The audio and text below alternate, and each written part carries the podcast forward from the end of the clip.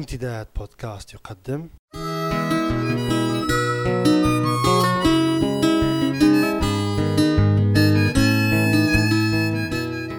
رسالة من لندن.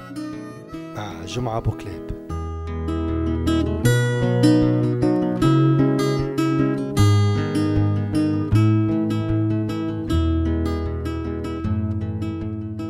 كثيرة جدا الأفلام السينمائية التي شاهدتها حتى الآن.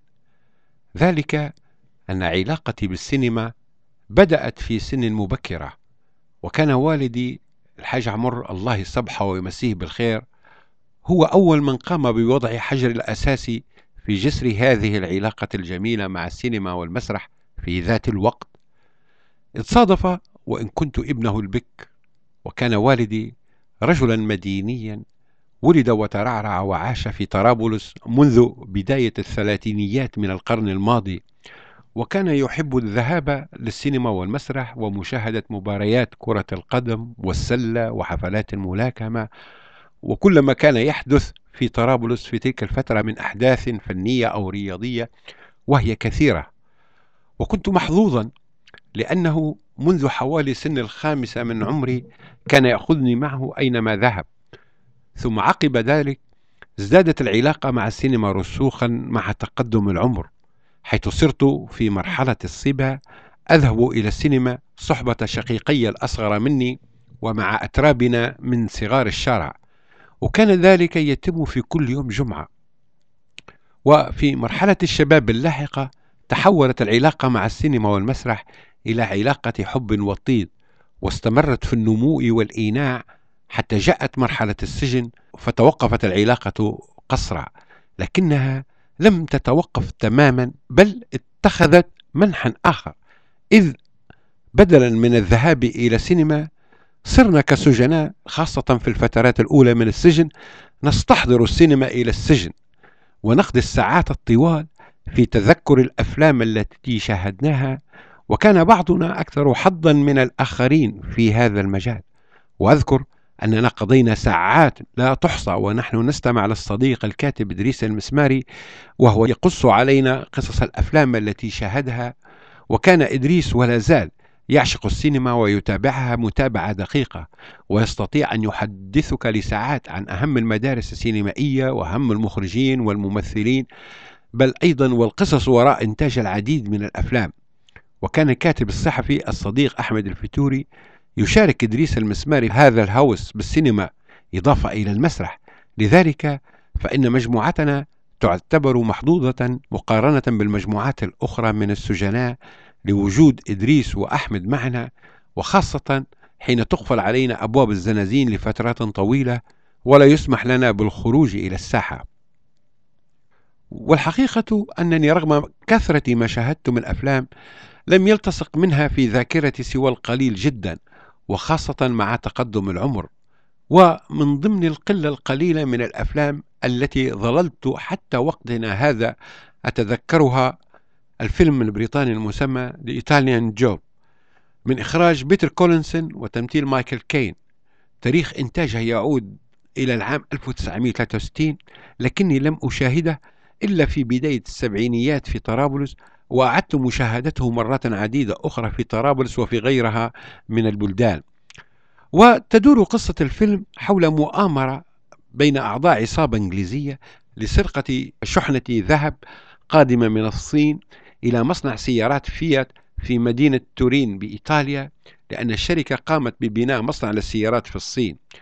وتمثل دور مايكل كين الذي يدعى في الفيلم باسم تشارلي كروكا بإقناع زعيم عصابة سجين بعملية السرقة والمشاركة فيها عبر إمداده بمجموعة من رجاله المقتدرين على هذا النوع من الأعمال الإجرامية.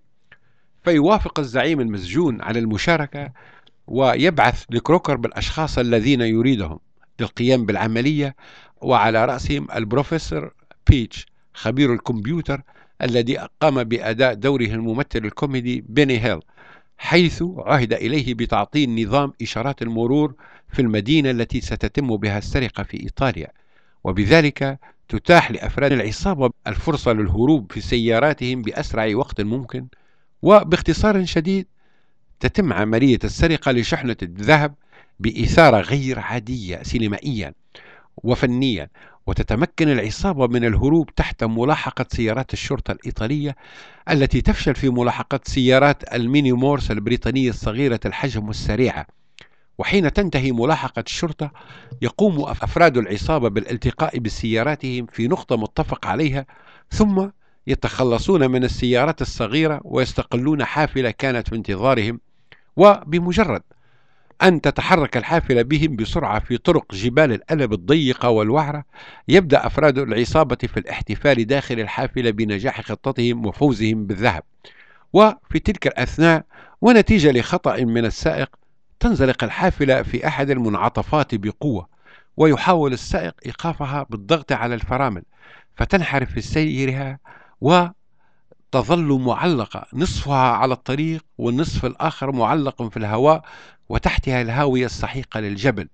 وفي نفس الوقت يجد أفراد العصابة أنفسهم في موقف شديد الحساسية حيث تنزلق شحنة الذهب إلى الخلف وكلما حاول أحدهم التحرك تميل الحافلة أكثر للهاوية وينتهي الفيلم والحافلة معلقة.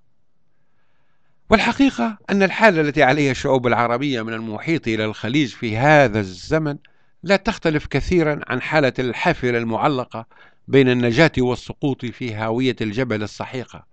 فالفيلم يصل بالمشاهد إلى تلك النهاية المثيرة لكن الفيلم في نهاية الأمر يظل فيلما وما يحدث في عالمنا العربي ليس فيلما بل حقيقة إذ أننا في مرحلة مفصلية تاريخية مهمة في تاريخ الشعوب العربية في هذا الزمن الذي شهد انفلاق بذور ما صار يعرف بالربيع العربي. فإما أن تتمكن هذه الشعوب من حسم اللحظة لصالحها وتسقط الأنظمة المهترئة التي تحكمها وتحول بينها وبين الحياة الكريمة والمستقبل المأمول وبذلك تعيد الحافلة المليئة بشحنة الذهب على الطريق وتواصل السير والتمتع بالغنيمة. وإما أن تفشل في مسعها وتتيح الفرصة أمام أنظمة قمعية مهترئة من إعادة الإمساك بزمام المبادرة سياسيا وتحول بين هذه الشعوب وما تتمناه وتريده. ويمكن القول أن بلدان ثورات الربيع العربي وهي تونس ومصر وليبيا هي التي ستحسم الطريق الذي ستسير فيه المعركة. ففي حالة فشل شعوب هذه البلدان لا سمح الله في الخروج من المأزق والمطبات التي تتعرض لها حاليا والتباطؤ في حسم الأمور لصالحها بسرعة ولصالح الديمقراطية والنهوض والتقدم عبر تأسيس برلمانات ديمقراطية وحكومات منتخبة ديمقراطيا وقوية وتحظى بشرعية شعبية وإيجاد دساتير تضمن الحياة الكريمة للناس وتفتح أمامهم السبل للعيش الكريم وحكم القانون سينعكس ذلك بالطبع بالسلب على غيرهم من شعوب البلدان العربية الأخرى التي تتابع بقلق ما يحدث على تلك الساحات.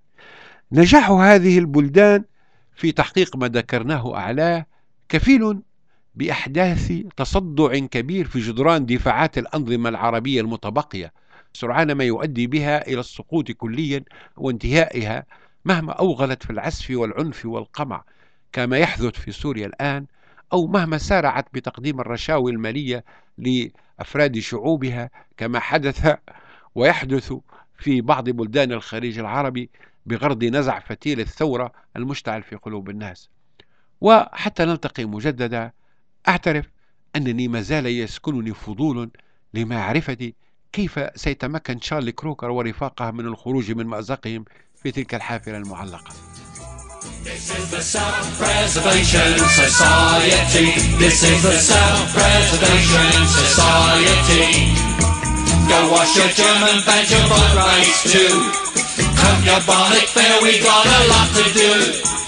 Put on your digger and your and ride. Cause time to hurry and buy. Get your skates on, mate. Get your skates on, mate.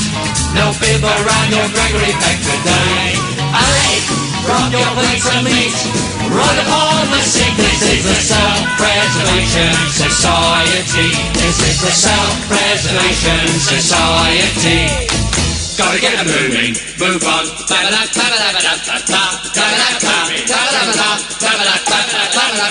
Jump in the jump up, it's right. Tally up late, it's gonna be late, and now